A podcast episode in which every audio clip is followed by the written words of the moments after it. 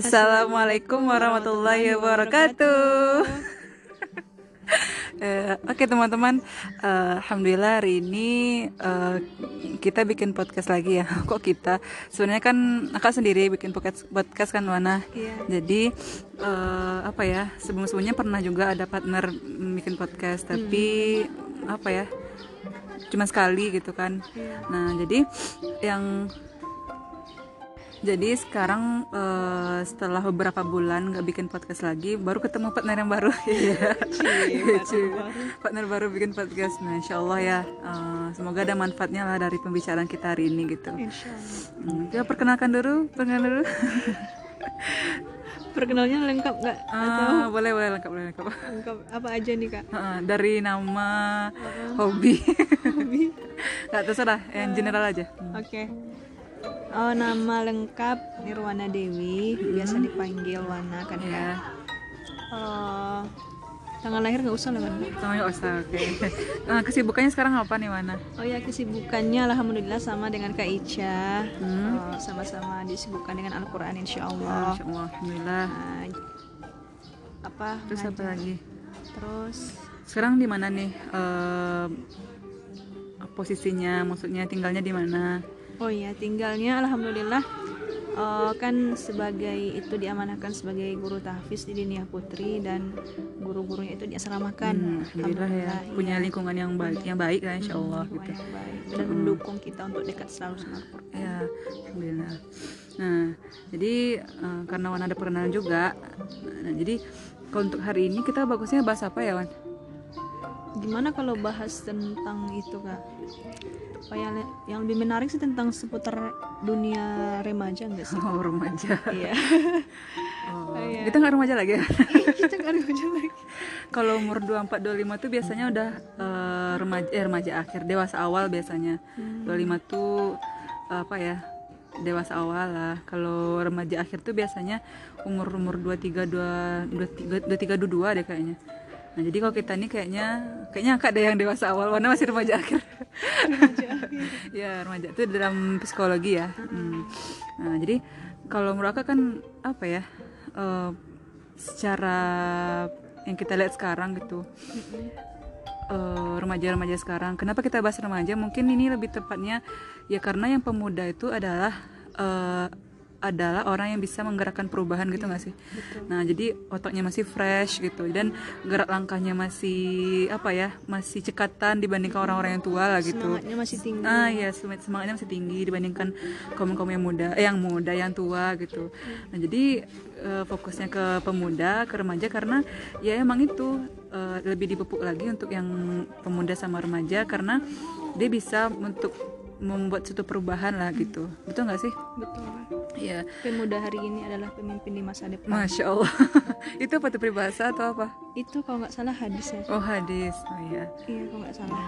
Oke, baik. Nah, jadi hmm, kalau yang Wana lihat sekarang nih, remaja yang kita lihat sekarang tuh seperti apa sih gitu? Re- Remaja yang diharapkan oleh eh, agama Islam tuh seperti apa? Apakah sama dengan remaja yang yang kita hadapi dengan sekarang ini gitu? Menurut Wana gimana? Nah, yuk coba gimana menurut Wana eh, remaja yang zaman sekarang nih bagaimana menurut Wana? Oke kak. Oh, kalau mau lihat sendiri ya remaja zaman sekarang itu. Oh mungkin itu ya kak punya sisi positif dan sisi negatifnya juga ya kalau kita bandingkan negatif. dengan oh, pemuda yang dulu-dulu gitu kan. Iya. Tapi kan pemuda yang dulu itu kita jadikan sebagai contoh juga untuk di zaman sekarang. Iya, mungkin karena zamannya juga berbeda mungkin ya. Mm-mm. Nah, kalau dulu itu oh, kita bandingkan dengan sekarang teknologi udah jauh gitu kan. Ya. Ah, jauh canggih perbedaannya gitu. Iya. Sekarang itu memang dunia dalam genggaman gitu kan. Hmm, iya. Memang fasilitas untuk menjelajahi dunia itu tidak mesti kita harus pergi keliling gitu kan di Iya, di tangan tangan, kita. aja. Ah, di tangan aja. Iya, betul. Nah, terus kalau Wana lihat eh, remaja zaman sekarang itu karena mungkin udah di eh, apa udah dicukupkan dengan fasilitas yang begitu sangat mudah, begitu terjangkau. Akhirnya ya memang eh, apa di sisi lain mungkin ada ada bagusnya ya membuka wawasan juga. Tapi di sisi lain ada jadinya eh, merasa itu eh, mungkin ada rasa malas karena serba instan dan lebih banyak rebahannya gitu Oke, kan. betul betul. Jadi karena dia mudah didapatkan jadi dia tuh eh, apa ya banyak apa ya banyak menjadi konsumtif nggak sih gitu Hmm. daripada produktifnya Iya, gitu betul, Ah. Kak.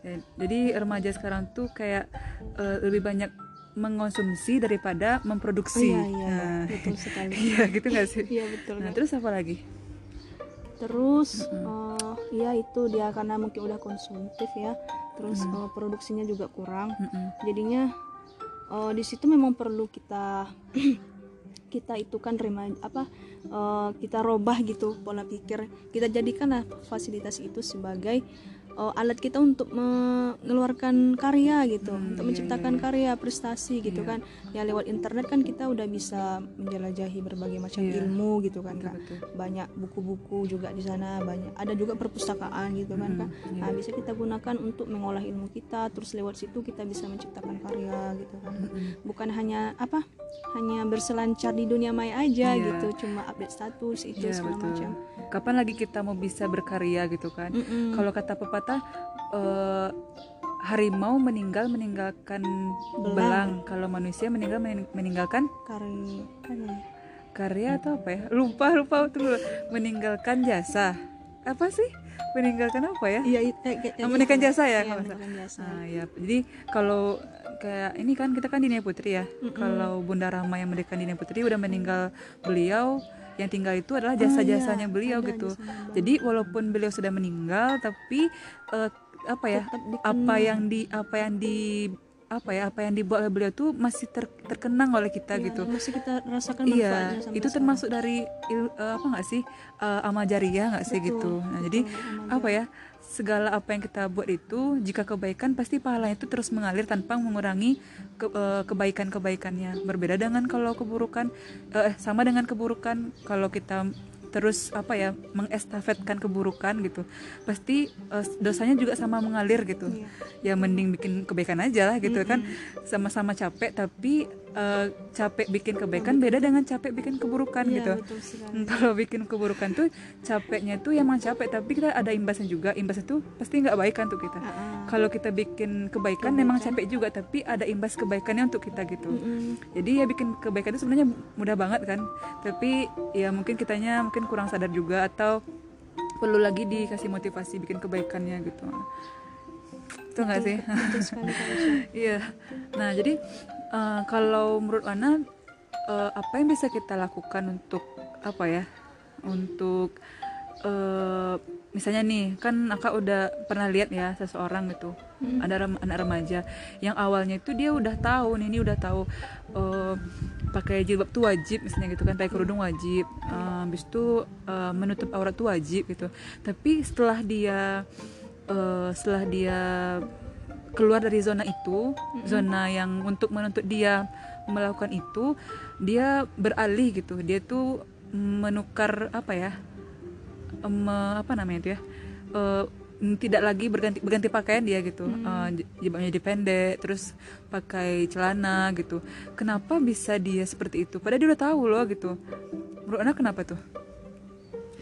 gimana ya kak kalau apa emang banyak sih kita, kita lihat fenomena Jadi kan kita gitu ya. miris kan sebenarnya ya Allah. Miris Jadi kita timbul komentar lah kok dia kayak gitu ya, kok dia kayak gitu ya. Ah, padahal di sini dia pa- pakaian tertutup gitu kan. Padahal dia sebelumnya dia tahu gitu. Udah di- dia diatur. gitu. Tiba-tiba pas dia udah nggak berada di zona itu lagi, dia tuh apa ya?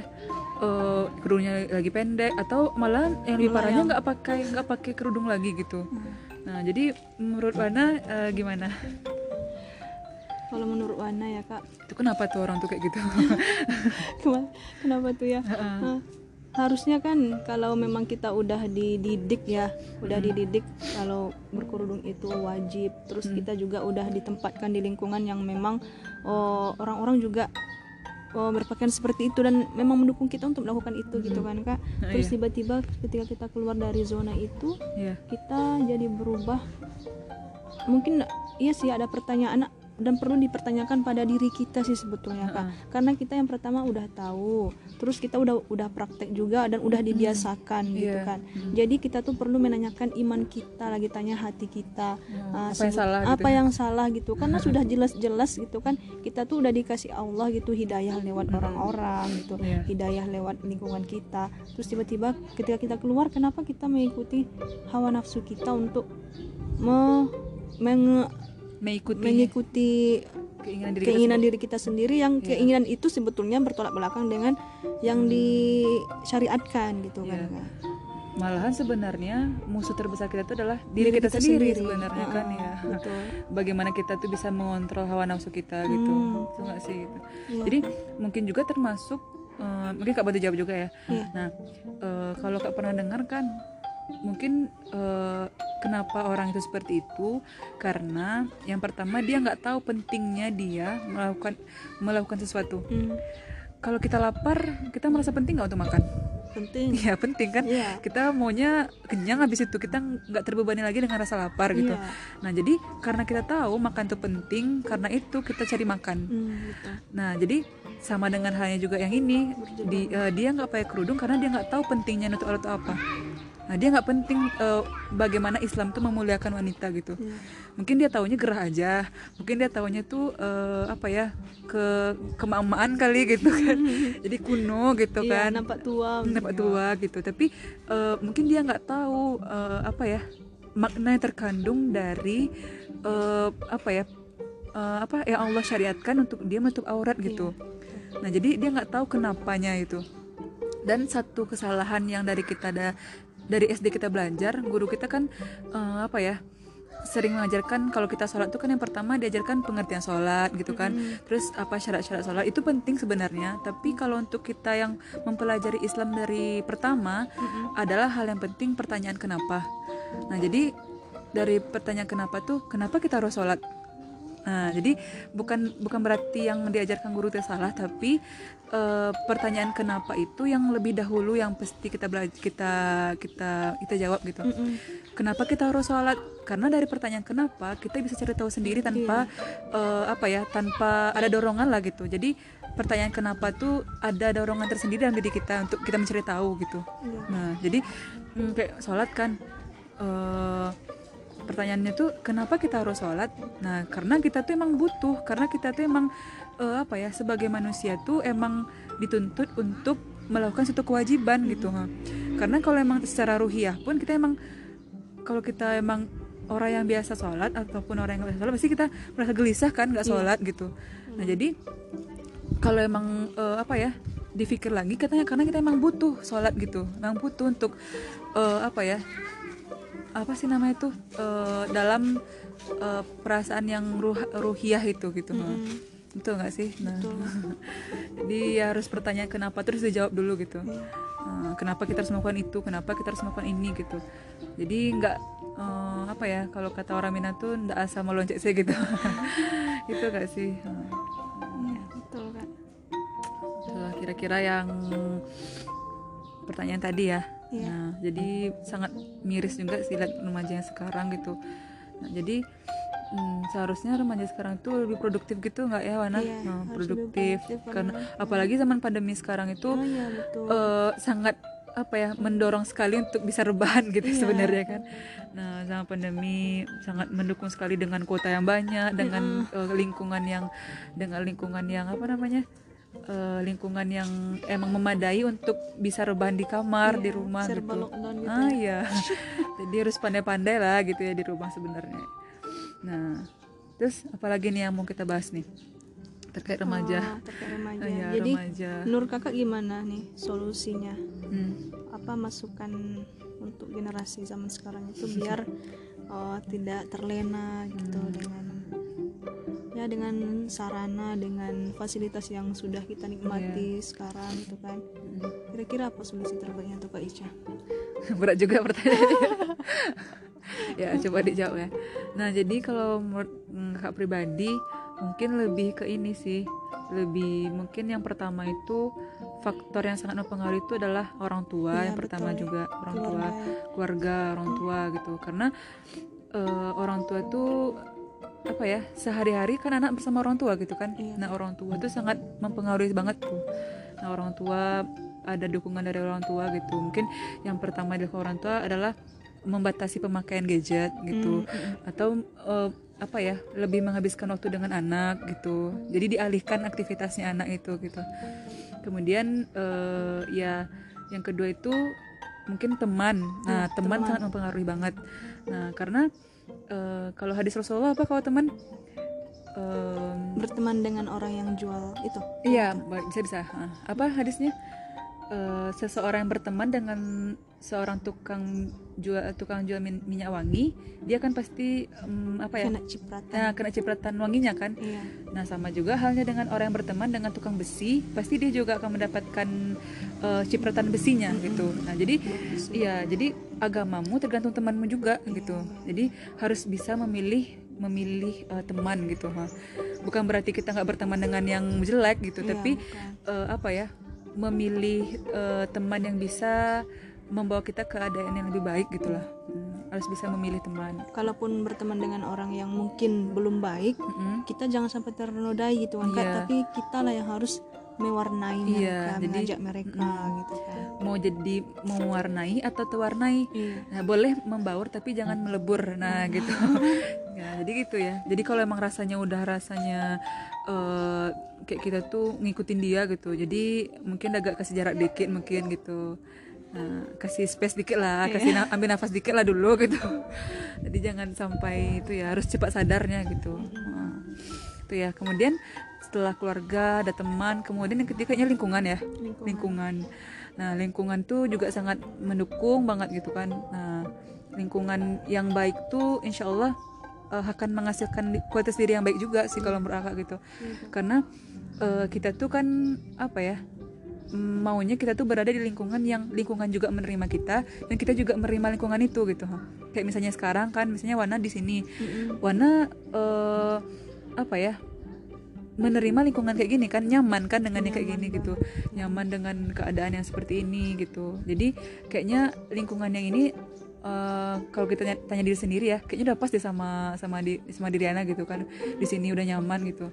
Nah jadi mungkin pemuda pemuda atau pemudi sekarang itu lebih baiknya cari lingkungan yang zona nyamannya itu di mana gitu nah zona nyaman itu pasti sesuai dengan syariat Allah ya gitu ha. Mm-mm. Nah, jadi kalau remaja tuh harus eh, pandai-pandai cari teman, pandai- pandai-pandai cari lingkungan, begitu. Karena ya emang itu tadi keluarga, teman dan lingkungan itu sangat mempengaruhi gitu. Itu.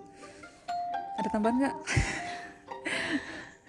Apa pesannya gitu untuk eh, adik-adik kita gitu kan untuk kan yang tua itu pasti dia akan apa ya apa akan akan beralih juga akan menjadi yang lebih tua gitu. Yang muda itu pasti akan menggantikan kita lah gitu akan menggantikan sosok yang sekarang itu gitu. Nah jadi karena itu apa ya pemuda itu sangat hmm, sangat apa ya sangat eh, kontribusinya harus ada lah untuk umat tuh gitu. Ha. gimana kalau pesan dari Wana sih kak.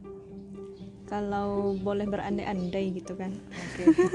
Boleh lah boleh lah ah ya kalau ber- boleh berandai-andai gitu kan. Kalau seandainya Wana kembali ke masa-masa SMA dulu gitu atau masa-masa kuliah dulu mungkin Wana bakalan lebih menguras kemampuan Wana gitu, untuk berprestasi untuk berkarya. Iya. Karena Wana merasa Wana tanya diri Wana kan Wana lihat hasil yang Wana eh, dapatkan sekarang itu sebetulnya belum kekuatan yang Wana keluarkan itu sebetulnya belum Yang paling akhir gitu ya? iya belum belum yang paling akhir gitu oh iya jadi kalau Wana boleh diundur lagi ada ada gitu mesin Hmm. waktu kan diundur ke belakang mungkin Wana bakalan lebih oh, produktif bakalan bangun lebih pagi lagi dan tidur lebih malam lagi Mm-mm. gitu kak jadi Iya. itulah pesan untuk adik-adik manfaatkanlah waktunya di masa-masa remajanya ini di masa-masa SMA masa-masa kuliah nah, di sinilah kesempatan kita itu untuk berkarya berprestasi gitu kan kak selagi tenaganya masih kuat Iya. dan ada kesempatan. Nah, kata Rasulullah, dua hal yang sangat disayangkan oleh manusia itu yang pertama adalah eh, kesempatan, kesempatan dan, dan waktu. Ya, karena emang- Kesehatan. Hmm, eh, kesehatan dan waktu waktu ya, nikmat kesehatan dan waktu gitu. Iya. Nah, karena emang waktu itu eh, satu apa ya yang paling jauh itu ada satu detik yang lalu. Kita nggak bisa balik lagi kayak yang Iya. tadi. yang kita omongin tadi nggak bisa kan nggak bisa balik Direkam lagi. nih. ah, ya, direkam tapi ya bisa dengar gitu nah jadi emang waktu itu emang sangat sangat penting sangat sangat apa ya eh, orang-orang yang emang dalam kesibukan orang-orang yang sangat memperhatikan waktu itu emang waktu itu sangat berharga sekali Iya, gitu betul kak Hmm.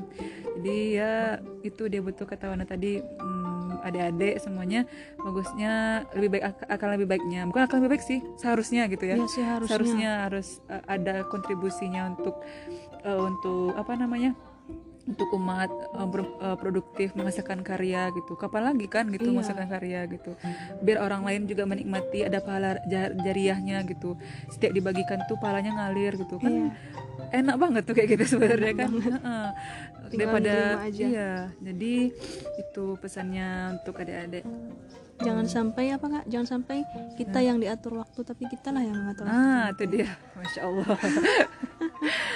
Eh, oke kayaknya itu aja ya untuk hari ini Eh, bincang-bincang santainya sama Wana partner baru ya partner masya allah eh, selanjutnya akan ada lagi eh, Partner-partner berikutnya. nah, bukan partner eh, partner eh, bisa jadi sih tapi Tema-tema.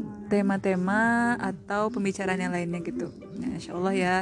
Nah, semoga ada kebaikannya dari pembi- pembicaraan kita hari ini. Ya, kalau emang rasanya bagus dan orang lain eh, apa ya dan orang lain butuh untuk mendengarkannya, di share aja. Ya, syukron. Assalamualaikum warahmatullahi wabarakatuh.